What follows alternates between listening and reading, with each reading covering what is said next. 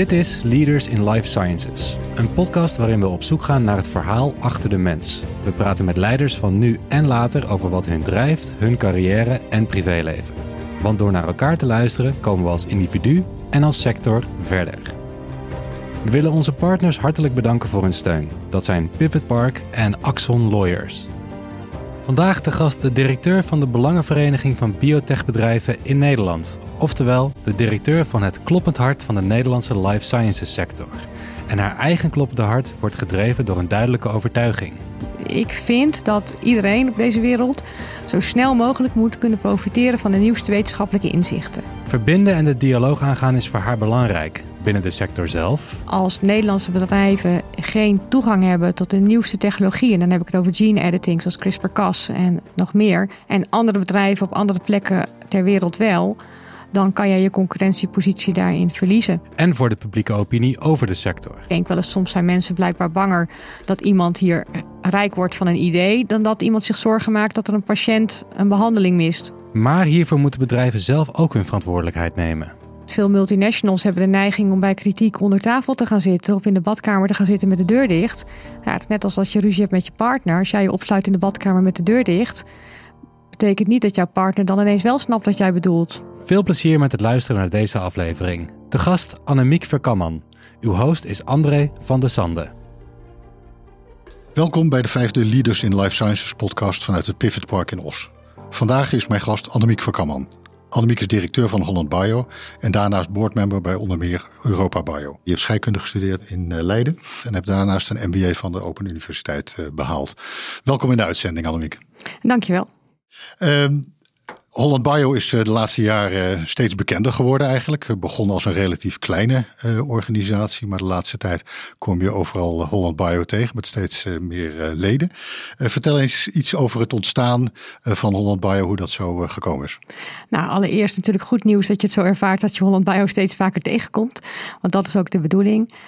Holland Bio is de belangenvereniging van biotechbedrijven en we bestaan nu acht jaar. En we zijn ontstaan uit een fusie van drie kleinere verenigingen. En uh, we hebben dat toen samengevoegd. Uh, ook op uitdrukkelijke wens van de bedrijven, van de leden zelf. En sinds die tijd is Holland Bio eigenlijk net als de biotechsector in Nederland uh, hard gegroeid. Ja, ik kan me die tijd nog herinneren. Ik eh, ben daar geloof ik ook in enige mate bij betrokken uh, geweest. En wat ik me nog kan herinneren is dat de politiek destijds ook aangaf van ja, als we pharma moeten hebben, dan weten we op welke deur we moeten kloppen. Uh, maar als het om biotech gaat, dan is dat wat moeilijker te vinden. dus die fusie was ook om die reden denk ik noodzakelijk om de biotechsector wat meer in het oog te krijgen. Ja, zeker. Nou, was helaas, helaas zaten we niet in de luxe positie dat de, dat de politiek vroeg om uh, een biotech-deurtje. Want sterker nog, ik denk dat ze nauwelijks een idee hadden wat biotech was. Ja. Uh, dat is nu gelukkig ook wel anders. En uh, ja, het spreekt voor zich dat als je gezamenlijk hierin optrekt en met een duidelijk verhaal naar buiten gaat, dat dat beter aanslaat.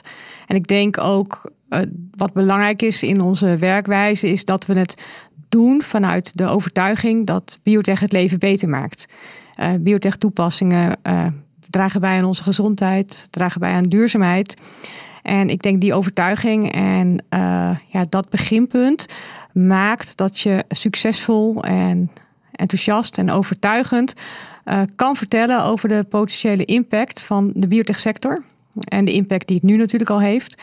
En zeker gezien het huidige tijdsgevricht, daar is daar veel interesse voor. En dat, dat slaat toch aan, die boodschap. Ja, en het huidige tijdsgevricht, daarmee bedoel je alles rondom COVID. En uh, dat extra belangstelling heeft gereageerd, uh, gecreëerd voor uh, pharma en biotech? Ja, nou zeker. Ik denk dat de biotechsector nog nooit zo in de schijnwerpers heeft gestaan als door COVID. Ik bedoel, wie had kunnen denken dat ongeveer elke Nederlander weet wat een PCR-test is? Dat mensen überhaupt hebben gehoord van RNA-technologie. dat, dat is aan zich al heel bijzonder.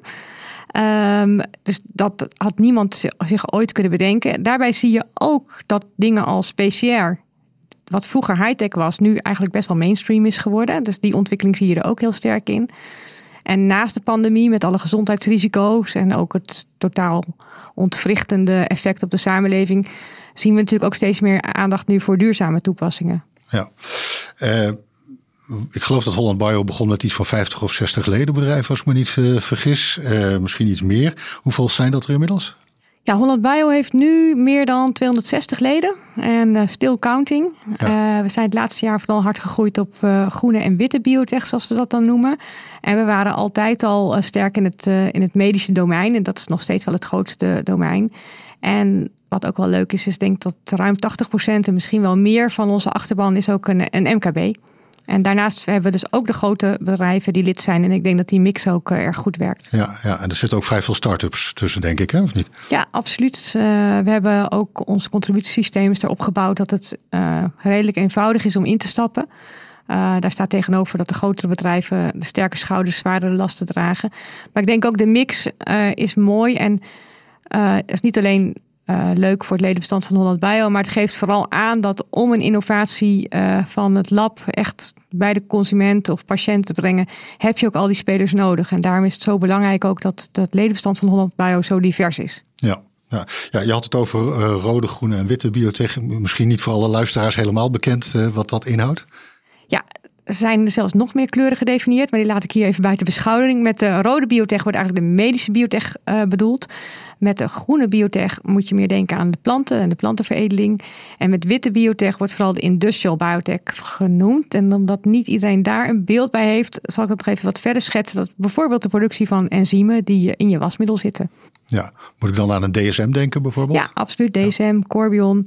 Maar ook uh, bedrijven, en dat, daar zie je steeds meer ontwikkelingen op, die zich meer op de food richten. Dus bedrijven als die bezig zijn met het ontwikkelen van cultured meat, zoals Meatable of uh, Moza Meat. Ja, ja, prachtige ontwikkelingen natuurlijk. Absoluut, ik kan niet wachten om een uh, kweekhamburger op mijn bord te hebben. Wat, wat zie je als de belangrijkste doelstelling voor Holland Bio de komende jaren? De belangrijkste doelstelling is eigenlijk om ervoor te zorgen dat alle innovaties en nieuwe uitvindingen, dat die zo snel mogelijk van het lab naar de patiënt komen. Het is eigenlijk ook mijn persoonlijke missie. Ik vind dat iedereen op deze wereld zo snel mogelijk moet kunnen profiteren van de nieuwste wetenschappelijke inzichten. Ja. En dat doen we door kennis om te zetten in producten of diensten. Nou, dat ontwikkelen en innoveren, dat kunnen onze leden als de beste. Maar uh, om ervoor te zorgen dat die rode loper, echt de rode loper voor innovatie uitgaat. Dat is de taak voor Holland Bio. Wij moeten dus die weg tussen het lab en de maatschappij, daar moeten wij alle hindernissen wegvegen. Ja, en welke hindernissen komen we dan tegen? Nou, dat begint eigenlijk al met uh, de perceptie van biotech die mensen hebben. En um, om je een voorbeeld te geven, al het biotechbeleid, alle regelgeving en vergunningen zijn in Nederland ondergebracht bij het ministerie van Infrastructuur en Waterstaat. En het is nog niet zo heel lang geleden dat als wij met dat ministerie in overleg gingen, dat eigenlijk altijd het veiligheidsaspect bovenaan stond. Met als argument, je weet het nooit helemaal zeker. Nou, op veiligheidsgebied weten we nooit helemaal zeker. Ik weet ook niet helemaal zeker of ik vandaag heel uit thuis kom. En met dat argument, ja, dat hoef ik jullie niet uit te leggen, sla je elke discussie dood. Maar een tijdje geleden hadden we een evenement over duurzaamheid van Holland Bio. En er was een hoge ambtenaar van, het, eh, van dit ministerie. Die hield een verhaal over de mogelijkheden van biotech. Ik had het zelf niet beter kunnen doen. Kijk, wat een verandering. Absoluut, een totale ommezwaai en daar ben ik heel blij mee. En heeft Holland Bio daar een rol in gespeeld? succes zal altijd veel verschillende vaders hebben, maar ik kan je vertellen dat wij eindeloos op de deur hebben gebonst daar met ons verhaal. En voor de mensen die mij goed kennen weten dat ik knetter ongeduldig ben. Maar in deze situaties kan ik blijkbaar net zo lang uh, het geduldig uitleggen en uitleggen en uitleggen totdat iedereen het begrijpt. Tot het kwartje geval is. Ja. ja Oké. Okay. Ehm, als we even Holland Bio laten voor wat het is en daar zo meteen even op terugkomen. Even kijken naar jouw eigen achtergrond en jouw carrière tot uh, dusverre. Ik zei in de introductie al, uh, je hebt scheikunde gestudeerd in, in Leiden. en daarna ben je begonnen bij het BPRC in Rijswijk. Ja, dat klopt. ik heb inderdaad scheikunde gestudeerd. Ik was goed in beta-vakken op de middelbare school. En dus het lag ook voor de hand dat ik zoiets zou gaan doen. Ik was vanaf kleins af al geïnteresseerd in uh, moleculaire biologie. Ik had altijd al een klein lapje op mijn kamer. Oké, okay, uh, waar andere kinderen met blokken speelden, speelde jij met je, met ja, je ik had al een mini-lab. en, uh, ik maakte daar vooral veel troep mee, denk ik, achteraf gezien. Maar, um, Geen ontploffingen thuis? Nee, wat vlekken hier en daar, maar daar is het wel bij gebleven. Um, dus dat lag best voor de hand. Um, maar tijdens die studie merkte ik wel, waar ik wel heel erg tegenaan liep, is dat het zo gedeed, dat je zo erg de diepte ingaat dat je het al bijna niemand meer kan uitleggen wat je doet.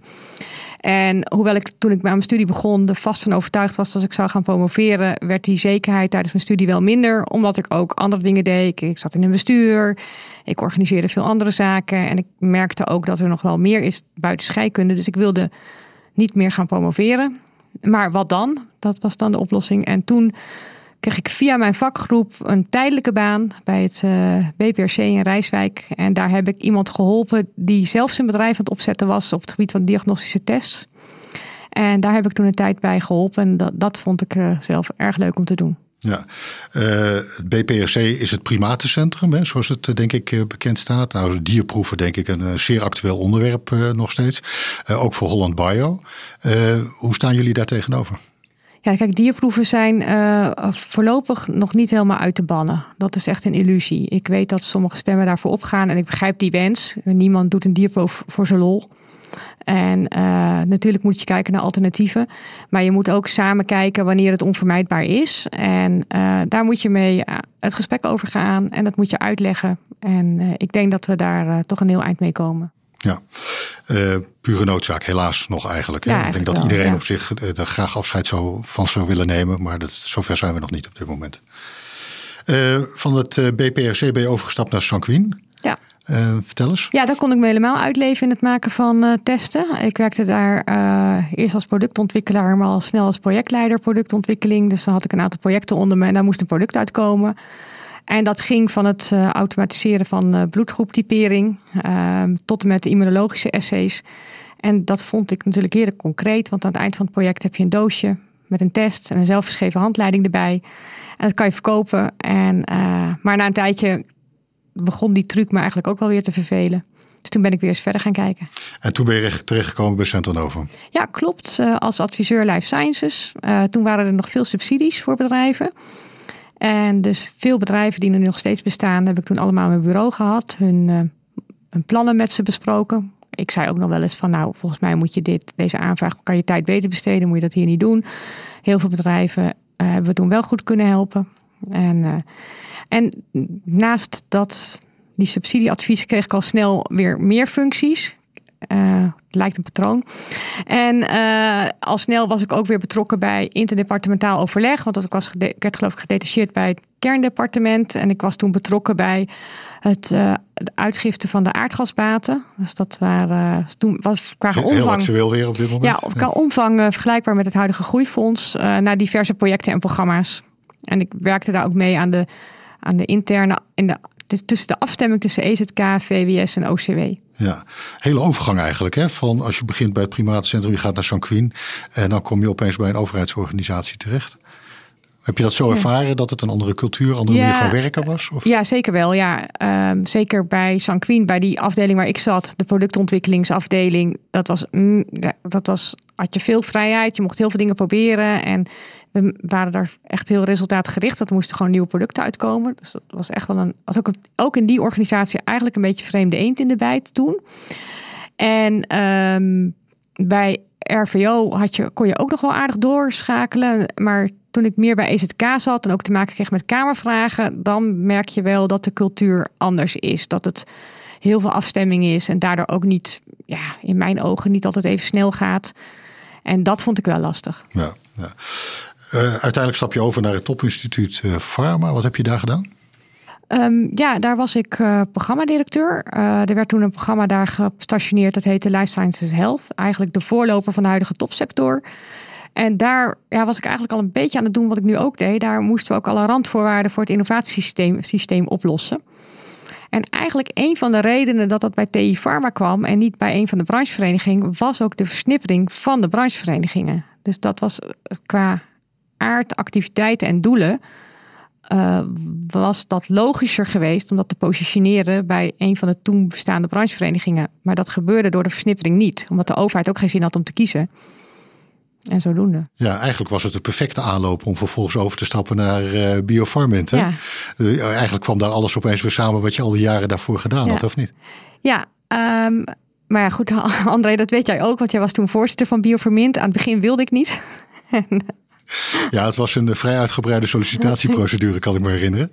Ja, want uh, ja, ik, ik zag dat nog niet uh, helemaal gaan vliegen. Maar gaandeweg het proces kreeg ik toch wel in de gaten dat er een fusie wel in de lijn van de mogelijkheden lag. En, um, en ook dat de, de beide besturen van de verenigingen op dat moment erg enthousiast waren om daar verbeteringen aan te brengen. Dus toen dacht ik, nou, je, dit kan ik wel misschien dat ik dit wel kan laten vliegen. Ja, nou, en dat heb je met verven gedaan. Zo hadden het er net al over. Meer dan uh, 250 ledenbedrijven inmiddels. Uh, dus het is een hele bloeiende organisatie uh, geworden. Ik krijg heel vaak de vraag van waarom is er nu nog op dit moment een aparte vereniging voor uh, pharma en voor biotech. Uh, je ziet in de praktijk dat pharma en biotechbedrijven steeds vaker gaan fuseren, samenwerken. Uh, zeker op research vlak overnames vinden plaats. Maar toch hebben we in Nederland nog steeds twee verenigingen. Waarom is dat? Nou, als je naar Holland Bio kijkt, Holland Bio vertegenwoordigt natuurlijk de, de brede biotech en wij vertegenwoordigen de frontrunners. Wij zijn ook een beetje een atypische branchevereniging. Uh, wij hebben de overtuiging dat wij een hele innovatieve sector vertegenwoordigen. Dus we moeten ook net zo hard lopen als de frontrunners. En wij hebben in tegenstelling tot de meeste brancheverenigingen... hebben wij niet een soort consensusmodel.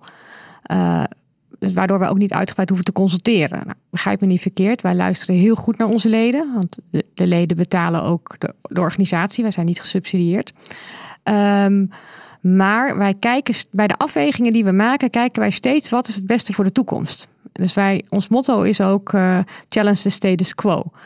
Dus waar misschien sommige brancheverenigingen nog wel ook bezig zijn met de belangen van vandaag, zijn wij veel, toekomst, veel meer toekomstgericht. Ja, en, en zie je dan in de toekomst daar een, een, nauwere samenwerking gaan ontstaan? Of zeg je van nou, het model zoals we het nu hebben, dat is eigenlijk wel prima?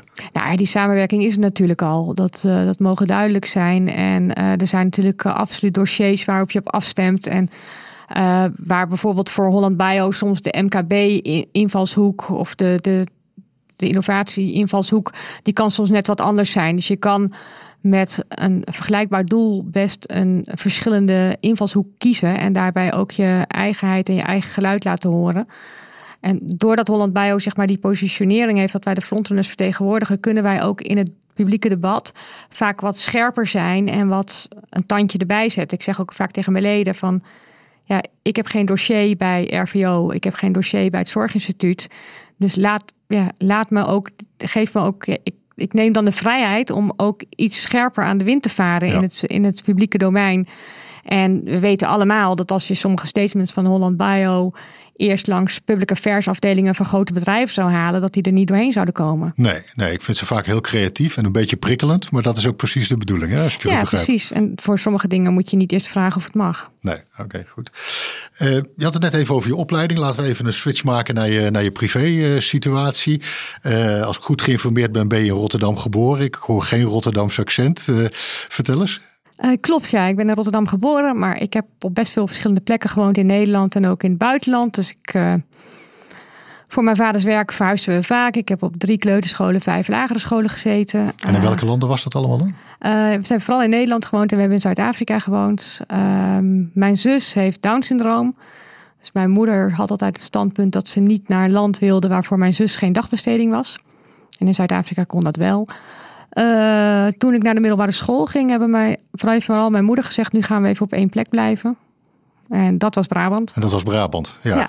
Ook geen Brabants accent opgedaan nee, in nee, ieder geval. Nee, ik ben daar blijkbaar niet gevoelig voor. Nee, duidelijk. Eh. Vertel eens even, je, je benoemt je ouders. Wat, wat voor ouders had je? Wat voor milieu kom je? Nou, eigenlijk qua gezin op zich best traditioneel protestant. Uh, mijn vader werkte, mijn moeder zorgde voor ons. Uh, maar ik denk dat daarmee traditioneel ook wel uh, genoeg over is gezegd. Mijn ouders, en ik denk vooral mijn vader, maar ook mijn moeder zijn heel avontuurlijk. Uh, mijn vader die verhuisde op zijn 21ste naar Canada of emigreerde daarheen. Heeft ook nog in veel meer landen gewerkt. Ze trokken zich weinig aan van wat andere mensen ergens van vinden. Dus ze waren heel sociaal. Ze deden altijd heel veel vrijwilligerswerk. Met je eigen gereid. Ja, ze waren wel een beetje eigen zijn. Mijn vader leeft nog, zijn best een beetje eigen gereid en zijn hebben niet heel veel boodschap aan wat een ander ergens van vindt. En uh, daarbij zijn ze wel ja, super sociaal, want ze deden altijd heel veel vrijwilligerswerk. En, uh, en ja, ze maakten zich ook nooit ergens zorgen om. Mijn vader had bijvoorbeeld geen vaste baan, omdat hij dat niet leuk vond. Achteraf gezien was hij denk ik een van de eerste ZZP'ers van Nederland. Ja. Maar dat bestond toen nog niet. En uh, dus ja, maar dan maakt het ook. Ehm, als hij dan weer werkte, dan uh, werkte hij. Dat was, hij was eigenlijk nooit lang zonder werk. Dus dat was ook niet heel spannend. En dat eigen gerijden, heb je dat een beetje meegekregen? Of? Ja, dat laat ik aan andere mensen om dat te bepalen. je hebt zelf ook kinderen? Klopt, ik heb twee dochters. Die zijn ondertussen 15 en 12. Eén zit op de middelbare school, die is halverwege. En de andere die gaat naar de middelbare school. Uh, dat, uh, ik zorg alleen voor ze, zoals ook wel veel mensen weten. Door omstandigheden kan, is dat zo gelopen. Um, dus ik heb uh, best wat balletjes in de lucht gehouden. Zeker ja. de laatste acht jaar. En ik moet wel zeggen, toen we met COVID thuis werkten en het videobellen kwam. Dat ik ook wel dacht van oké, okay, die laatste acht jaar hadden ook flexibeler opgelost kunnen worden. Ja, ja. Kijk, in, in praktische zin kan je alles regelen. Je, je kan het zelf zo regelen dat je nooit thuis hoeft te zijn. Maar dat is natuurlijk niet de bedoeling. Um, ik heb het gewoon altijd heel goed uh, aan de praktische kant geregeld. Maar um, ik, ja, je houdt niet heel veel tijd over, laat ik het zo zeggen. Nee. Uh, je zei het al, je bent single, je bent een hele drukke single moeder. Hoe, hoe regel je dat dan allemaal? Want je, je, moet dus wel wat, wat, wat hulpjes inschakelen, neem ik aan. Of? Ja, dat is nu wel een stuk minder nu de meiden groot zijn. ouder zijn. Ja. ja, ik denk dat ik vrij goed kan organiseren en heel veel dingen tegelijk in de lucht kan houden. En je moet gewoon heel sterk, heel scherp kijken van wat is niet essentieel dat je het zelf doet. En alles wat niet essentieel is dat jij dat zelf doet, dat geldt gewoon zakelijk of als privé, dan moet je dus ook niet doen. Ja, ja, ja. Uh, ik weet, hebben jouw kinderen al een idee welke kansen zich op gaan ontwikkelen qua studie? Of gaan ze moeder achterna? Of wordt het iets heel anders? nou, van eentje vermoed ik wel dat ze manager wordt. Die probeert mij al jaren te managen. En, uh, en ze zijn allebei breed geïnteresseerd eigenlijk. Dus ik, ik ben heel benieuwd. Ik, uh, kan niet wachten om het te zien waar het heen gaat. Want ik vind het ook uh, verschrikkelijk leuk in alle fases van hun leeftijd eigenlijk. Ja, het is mooi om te zien hoe ze zich ontwikkelen in deze ja, fase ik, van hun leven natuurlijk. Ik heb er onwijs veel lol mee. Ja, ja ik kan me voorstellen. Um, even terug naar, naar 100 Bio en het, en het speelveld waarin, uh, waarin we ons uh, begeven. Um, hoe groot acht jij het economische belang van biotech voor Nederland? Ja, ik denk enorm. Um, als je bijvoorbeeld nu kijkt naar Nederland, alleen al op plantenveredeling, op export van groenten en zaden, op al die terreinen, als jij daar niet met biotech aan de slag gaat, dan mag je je afvragen of jij over 20 jaar nog marktleider bent. Of misschien zelfs over 10 jaar. Als Nederlandse bedrijven geen toegang hebben tot de nieuwste technologieën, dan heb ik het over gene editing, zoals CRISPR-Cas en nog meer, en andere bedrijven op andere plekken ter wereld wel, dan kan jij je concurrentiepositie daarin verliezen. Tegelijkertijd biedt het enorme kansen voor Nederland. Nederland is wetenschappelijk gewoon ontzettend goed. Er ligt hier ontzettend veel kennis op de plank um, waar we te weinig mee doen. En dat, dat is onwijs jammer vanuit een duurzaamheids- en gezondheidsperspectief, maar ook vanuit een uh, economisch perspectief. Ja ja. ja want, want niet alleen dat economische perspectief wat er natuurlijk is voor, voor Nederland. Uh, maar de kennis, uh, het onderwijs. Op het moment dat we niet blijven investeren in deze sector. Dan wordt het natuurlijk een stuk lastiger om die kennis hier vast te houden en, en verder te ontwikkelen, of niet? Ja, klopt. Want kijk, die, die kennis die vindt zijn weg wel. Kijk, innovatie zal nooit stoppen. En dat is denk ik een van de mooie dingen aan innovatie. De vraag is alleen, waar gaat het gebeuren in de wereld? En speel je als Nederland een rol? En ik denk uh, dat er af en toe in Nederland in beleid en politiek nog echt wel wat uh, meer sense of urgency zou kunnen zijn. Um, om dingen ook te verbeteren. Om, die, um, om te zorgen dat die rode loper voor innovaties ook nu echt wordt uitgerold. En dan denk ik bijvoorbeeld nou ja, aan onderwerpen als uh, tech transfer, dus de, het proces waarin die kennis uit de universiteiten naar bedrijven gaat of andere organisaties die er iets mee kunnen, dat kan een stuk beter. Dat vonden onze leden ook. Ik denk een paar jaar geleden toen het Groeifonds, heette toen nog het Wopke Wiedebesfonds, toen dat ter sprake kwam, organiseerden wij een sessie voor onze leden. En die heette toen nog een beetje gekscherend, wat zou je doen met 100 miljoen?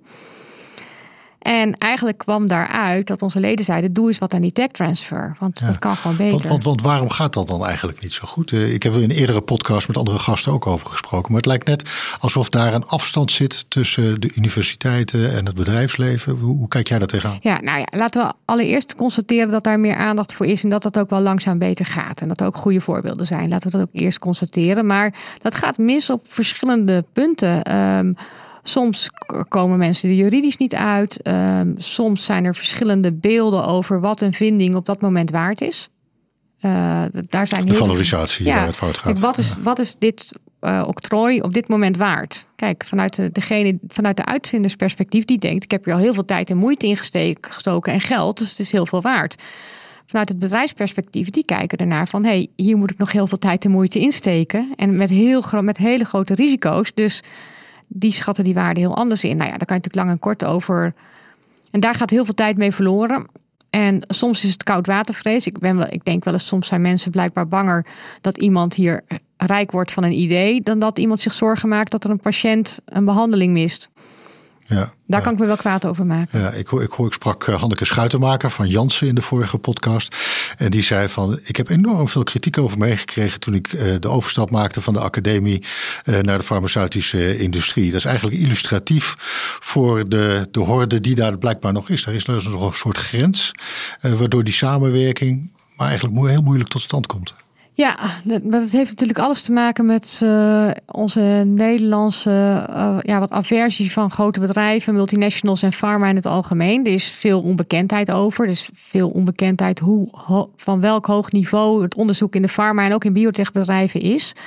Het is niet soms leeft het idee van een, een, bedrijf die pakt iets op wat de universiteit heeft bedacht, stopt het in een doosje en verkoopt het. Nou, iedereen die in deze sector zit, weet dat dat proces heel anders is. Dat is kapitaalintensief, uh, risicovol en het duurt heel lang. Dus, en dat, zijn, en dat, dat vind ik trouwens wel een heel positief punt. Uh, de minister van uh, VWS die heeft deze week een onderzoek gepubliceerd over hoe het ecosysteem in elkaar zit. En Holland Bio heeft daar ook jarenlang op lopen duwen. Wij hebben, kijk, de vorige minister, één minister zei.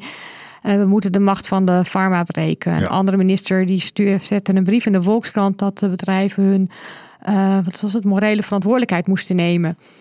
En deze minister zegt we moeten het gesprek aangaan. En ik zie dat echt wel als een resultaat van onze jarenlange lobby. Dat we hebben gezegd, hoor eens, we zitten in een systeem met z'n allen waarbij het ontwikkelen van een geneesmiddel lang duurt, heel veel kost en heel risicovol is. Laten we met z'n allen kijken hoe dit sneller beter kan. Dus dat en um, ook de, de mening van uh, een minister die zegt we moeten de macht van de farma breken, was ook gebaseerd op heel veel aannames die nu ook volgens hun eigen onderzoek niet blijken te kloppen. Want zij komen eigenlijk een beetje op het vergelijkbaar idee als wij. Ten eerste, je hebt alle spelers nodig om iets van lab naar patiënt te brengen en het kost enkele miljarden. Ja. Ja. Ja, ik denk ook dat er een soort besef ontstaan is de laatste tijd dat het misschien niet altijd uh, de juiste strategie is om zo goedkoop mogelijk uh, te produceren in landen ver weg van Nederland. Uh, maar dat het ook heel belangrijk is om daar zelf de controle op, op te behouden. Ja, klopt. Daar is ook veel meer aandacht voor. En ook wel het is ook wel duidelijk geworden dat onze innovaties in, de, in het medische domein, die worden betaald door de VS. Ja, ja. Uh, dan hebben we het over de politiek. Uh, we hebben het gehad over het economisch belang van Nederland, het belang voor het onderwijs, et cetera. Wat zou de politiek uh, moeten doen om de sector beter te faciliteren? Um, ja, ik denk een sector als deze met lange tijdslijnen, die is gebaat bij een constant beleid. En eigenlijk zou je willen dat de biotech meerdere jaren kan rekenen op het support van de overheid.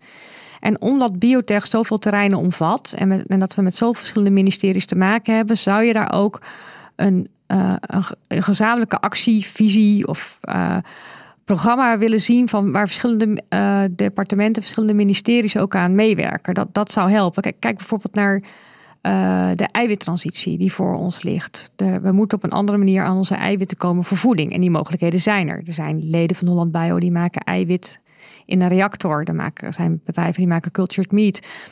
Die producten komen nog niet zo makkelijk de markt op. Dus je hebt op heel veel facetten heb je nieuwe dingen nodig. Ik had het net al eventjes over de planten en de, en de groente- en fruitsector, waar ook mega innovaties op de plank liggen. Um, en als ik het over gezondheid heb, dan denk maar aan het belang van een goede data-infrastructuur. Denk aan uh, prognostische tests. Um, natuurlijk veel meer personalized medicine. Hoe ga je dingen als organoids of misschien in de toekomst een digital twin, hoe ga je dat inzetten? En, en dan hebben we het nog niet eens gehad over cel- en gentherapie. Nee, precies. Dus er valt nog veel te ontdekken en te doen eh, op dat Er is uh, ongelooflijk veel te doen. Ja, brengt me eigenlijk ook op het andere onderwerp. Uh, ik denk dat veel mensen zich verbaasd hebben hoe snel de ontwikkeling van de vaccins plaats kon vinden en hoe snel de goedkeuring daar ook van plaats uh, kon vinden. toch hoor ik ook vaak dat er nog heel veel regulatoire hordes zijn. Ja, zeker. Er zijn uh, uh, heel veel regulatoire hordes om. Kijk, uh, eigenlijk al die markten waar onze bedrijven in opereren zijn gereguleerde markten. En dat, ja, nou, dat, nou, het woord zegt het zeg zelf al. Ook voor een gekweekte hamburger moet je door de novel food richtlijn heen.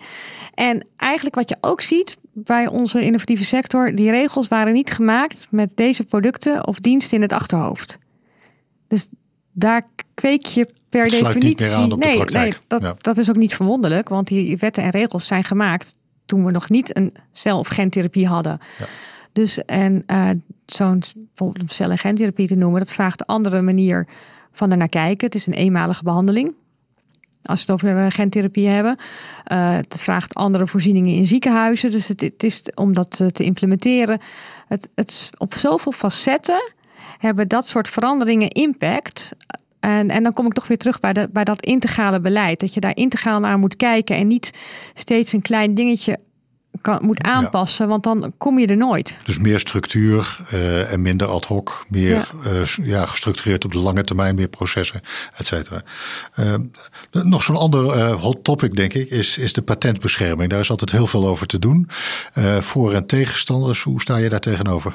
Ja, over patenten valt het veel te zeggen. En patenten zijn eigenlijk super belangrijk voor innovatie. Want een patent is niks meer of minder dan een economisch recht om een bepaalde vinding uh, te exploiteren. En je krijgt het patent alleen als iets nieuw, inventief en industrieel toepasbaar is. Dus dat is heel duidelijk afgebakend. En superbelangrijk, een patent is openbaar. Iedereen kan dus zien wat je hebt gedaan en hoe je het hebt gedaan. Het geeft de mogelijkheid om kennis te delen. Hè? Absoluut, het is de perfecte mogelijkheid om kennis te delen. En in ruil daarvoor heb jij economische exclusiviteit. Um, recent eh, in, in de pandemie werd veel gezegd dat de patenten de bottleneck waren voor het toedienen van vaccins wereldwijd. En uh, er is ook recent op het WTO-niveau een uh, TRIPS waiver, dat is een beetje een technisch verhaal, maar dat zou betekent een iets verminderde patentbescherming.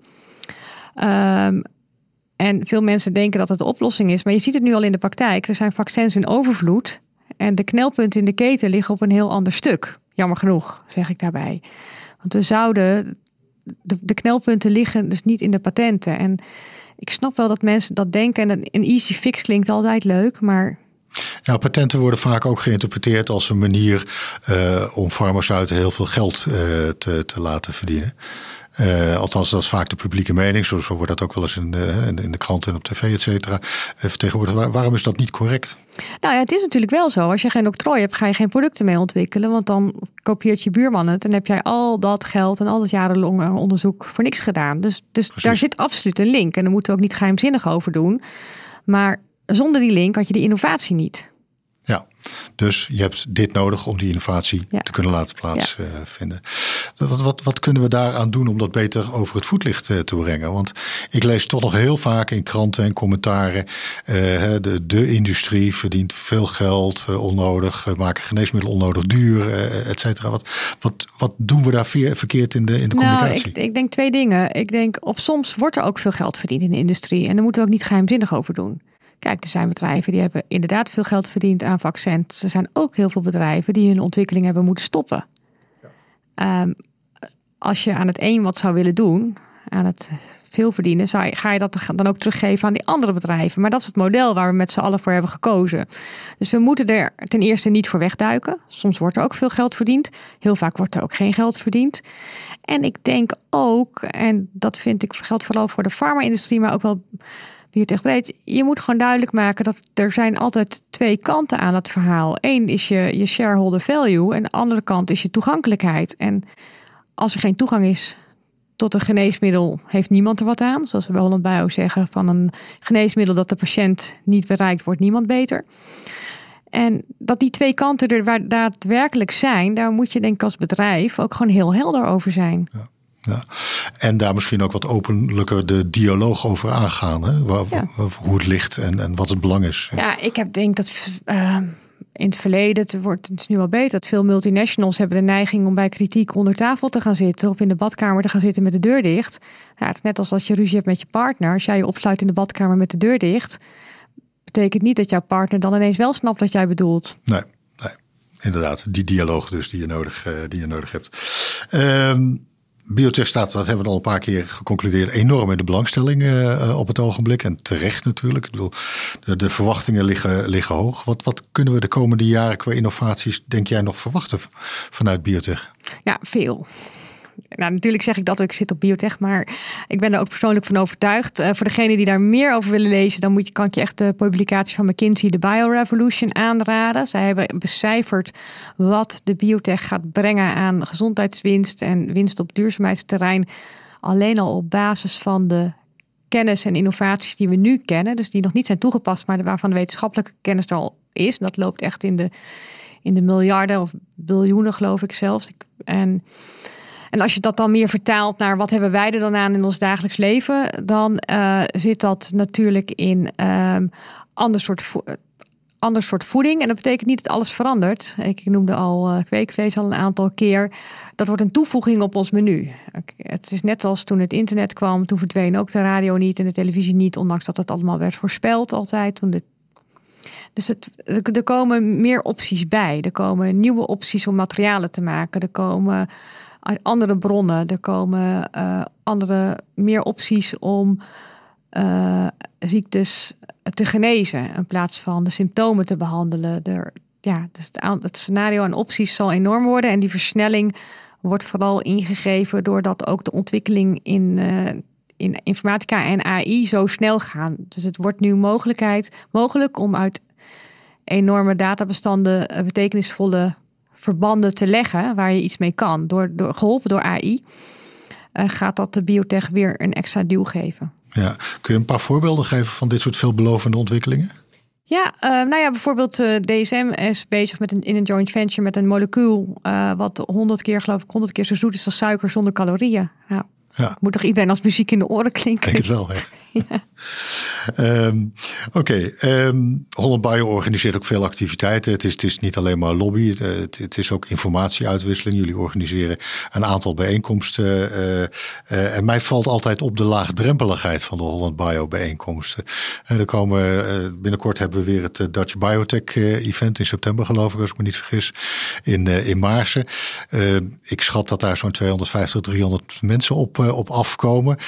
maar mij valt altijd de laagdrempeligheid op. Is dat iets wat jullie bewust creëren? Ehm, nou, eigenlijk niet bewust, maar ik denk dat het wel bij Holland Bio past. Staat ook altijd op onze website. Als je iets wil vertellen, kom even koffie drinken. Ja. Dus het past wel bij Holland Bio. Het is niet wat we, waar we echt over nadenken, als ik heel eerlijk ben. Uh, het is wel zo dat we dit soort evenementen wel echt exclusief houden voor leden. En voor, voor stakeholders met wie we veel samenwerken. En, en biotechbedrijven die er misschien nog geen lid zijn. Dus we streven er ook naar uh, we streven namelijk het beste biotech-event neer te zetten, niet het grootste. Ja. Ja, ja, het is natuurlijk een geweldig platform om mensen met elkaar in contact eh, te brengen op inderdaad een laagdrempelige uh, manier. Uh, eventueel kennis uit te wisselen. Er is meestal ook een symposium aan, aan vastgeknoopt. Ehm, en ik denk dat een hele goede manier is inderdaad om al die partijen met elkaar in contact te brengen. Want het zijn niet alleen de biotechs, maar het zijn ook een heleboel servicebedrijven daaromheen die, die zich bezighouden met deze biotechbedrijven in Nederland. Nou is er ook niet alleen zijn er de Nederlandse uh, bijeenkomsten. We hadden het al heel kort even over Europa Bio. Uh, er zijn ook wereldwijd uh, de Bio-congressen. dat zijn wel hele grote bijeenkomsten. En ik heb jou een keer ooit horen zeggen... de Bio is mijn feestje van het jaar. Hoe zit dat? ja, absoluut waar. Ik ben net terug. En ik ben weer helemaal opgeladen en vol energie. Dat heeft verschillende aspecten. ten eerste wordt het georganiseerd door Bio US. Dat is natuurlijk de grote broer van Holland Bio. Dus het is vanuit een vanuit mijn perspectief waanzinnig interessant om te kijken hoe zij de zaken aanpakken. Hoe doen ze de opening? Wat zeggen ze in de speech? Wat zetten ze in de spotlight? Uh, de dag voordat het begint hebben we een bijeenkomst met alle, uh, zeg maar alle Holland Bio's van alle landen. Dus van Japan tot Afrika tot Canada. Tot uh, nou ja, van alles nog wat zit daar. En dan bespreken we ook eh, de grote trends. Um, ook dat is natuurlijk super interessant om te kijken.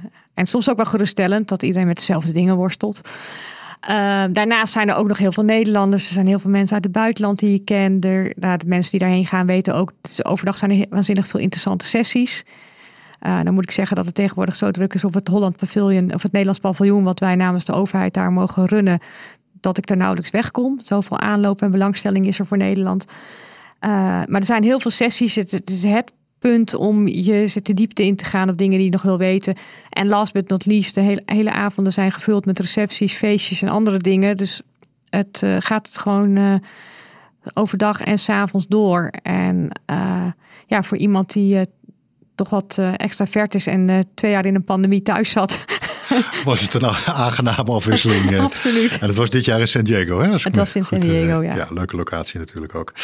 Ehm, we hadden het net al even over dat je het heel druk hebt. Uh, en dat is ook niet gek als ik allemaal hoor waar, waar je mee bezighoudt. Je stuurt een team aan van inmiddels hoeveel mensen bij Holland? elf mensen. elf mensen. Bij twaalf. Dus dat, dat vergt ook de nodige aandacht. je hebt 260 leden die allemaal ook een stukje aandacht willen hebben van je, kan ik me zo voorstellen. Ehm, blijft er überhaupt nog tijd over voor iets anders dan werken, kinderen? Eh, is er nog iets anders waar je je, tijd in kunt steken? Uh, nou ja, goede vraag. Sinds dat mijn kinderen wat ouder zijn, heb ik wel wat meer tijd sinds het laatste jaar. Ik vroeg me vorig jaar af, wat doen mensen zoal in het weekend? En uh, ik, ik sport graag. Ik ben heel graag op het water. Ik hou van zeilen, windsurfen, alles in die hoek. Hoe kleiner en, hoe fanatiek doe je dat, dat, dat zeilen bijvoorbeeld? Ja, nu op het moment alweer wekelijks. En ook verschillend soms in een uh, hele sportieve boot... waar we zes keer omslaan op een dag. Dan ben ik wel af na zo'n dag. En soms wat uh, relaxter met een flesje wijn en wat vriendinnen. Dus dat kan je op alle mogelijke manieren uitoefenen, deze hobby. Ja, en hebben je kinderen die liefde voor het water al overgenomen? Ja, ja die zeilen allebei. Oké, leuk. Zelf verstandig? Of? Ja, meestal niet met mij meer. Oké, ze worden ouder. Zeker. Ja, ja Um, leuk. Um, even meer in het algemeen, wat, wat, wat inspireert jou? Wat, wat drijft jou? Is er iets of iemand wat jou drijft? Of uh, het is misschien niet één specifiek ding, maar wel eigenlijk de, de, natuur zelf. Weet je, als je kijkt naar een bloem of een, een schelp, hoe weet die natuur dat hij dat zo moet maken? Dat fascineert me buitengewoon. En daar weten we natuurlijk wel het een en ander van, maar nog lang niet alles. Dus als je alleen al daarnaar kijkt en je weet wat we nog niet weten en wat er, waar we dan in de toekomst weer wat mee kunnen, dat, dat vind ik fantastisch om daarover na te denken. Uh, ik hou ook van naar een museum te gaan, gewoon hele andere dingen te zien. Uh, het geeft, zet je hersens weer op een andere manier aan het werk. Maar ook uh, als je kijkt naar, nou, naar misschien meer naar personen, onderzoekers zoals Rosalind Franklin, die uh, betrokken was bij de ontdekking van de structuur van uh, DNA van de dubbele helix. Of Marie Curie, dat zijn dames geweest die allereerst natuurlijk waanzinnig intelligent waren, maar ook tegen de stroom in onderzoek gingen doen. Ze mochten niet eens spreken op congressen is toch weer een beetje dat eigen gerijden ook, hè? wat jou aanspreekt. Duidelijk. Ja, absoluut. ik denk dat zijn toch mensen die, uh, ja, die hebben de weg bereid uh, voor heel veel uh, nieuwe innovaties en toekomst. En tegen de stroom in gingen ze toch doen waar zij dachten dat waar iets, ja, iets te halen viel, waar iets te ontdekken viel. Ja. Uh, nou zijn we hier vandaag te gast op het eh, Pivot Park in, uh, in Os. We proberen natuurlijk Nederland interessant te maken voor buitenlandse bedrijven om naar Nederland te komen. Niet alleen naar het Pivot Park natuurlijk. Maar hoe kunnen we ervoor zorgen dat Nederland aantrekkelijker wordt als vestigingsklimaat voor buitenlandse bedrijven? Nou, ik denk dat we dat al behoorlijk zijn. Er zijn al echt een aantal gevestigde namen naar Nederland gekomen de laatste tijd. En ook het, ik denk de manier waarop Nederland zich presenteert wordt ja, gaat, gaat enorm, worden enorme stappen gemaakt. En uh, ja, be good and tell it.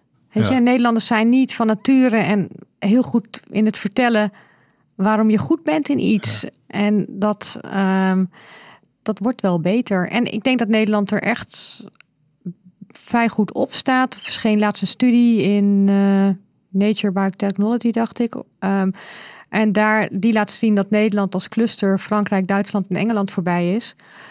Uh, dat is een enorme prestatie, want het was niet gecorrigeerd voor de omvang van het land.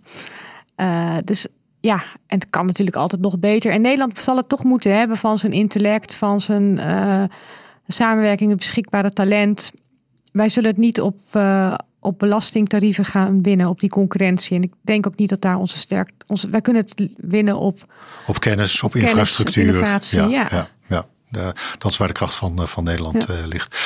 We benaderen langzaam het, uh, het einde van, van onze podcast van vandaag. we hebben het uitgebreid gehad over nou ja, alles wat er in biotech speelt en de rol van, van, van Holland Bio. is er nog een onderwerp wat we niet besproken hebben of iets wat je nog mee wilt geven? Um, ja, eigenlijk wel. Um, het is heel belangrijk dat je vrienden hebt als uh, sector.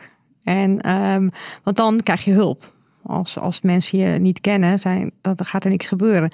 Dus het is heel belangrijk om te vertellen uh, aan andere mensen waarom je in deze sector werkt, wat je doet.